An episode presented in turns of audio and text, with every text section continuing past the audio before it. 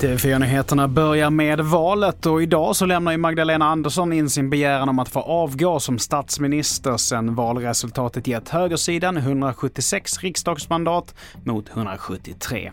Men det är ingen enkel uppgift som ligger framför Ulf Kristersson som väljer att kommentera det hela via sina sociala medier. Jag påbörjar nu arbetet med att bilda en ny handlingskraftig regering. En regering för hela Sverige och för alla medborgare. Jag vill samla, inte splittra.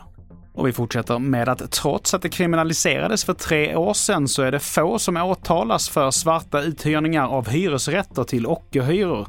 Det visar en genomgång som Hem och Hyra gjort.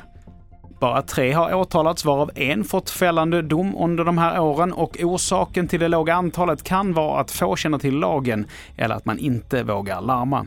Och till sist, ägaren till klädmärket Patagonia väljer nu att skänka företaget till en stiftelse med målet att få all vinst att gå till att bekämpa klimatförändringar. Det rapporterar New York Times. Yvonne Chouinard startade företaget för 50 år sedan och idag så värderas det till 3 miljarder dollar. Till tidningen säger fransmannen att förhoppningsvis kan det influera till en ny form av kapitalism som inte slutar med att några få blir rika och att många blir fattiga. Fler nyheter hittar du på tv4.se. Jag heter Mattias Nordgren.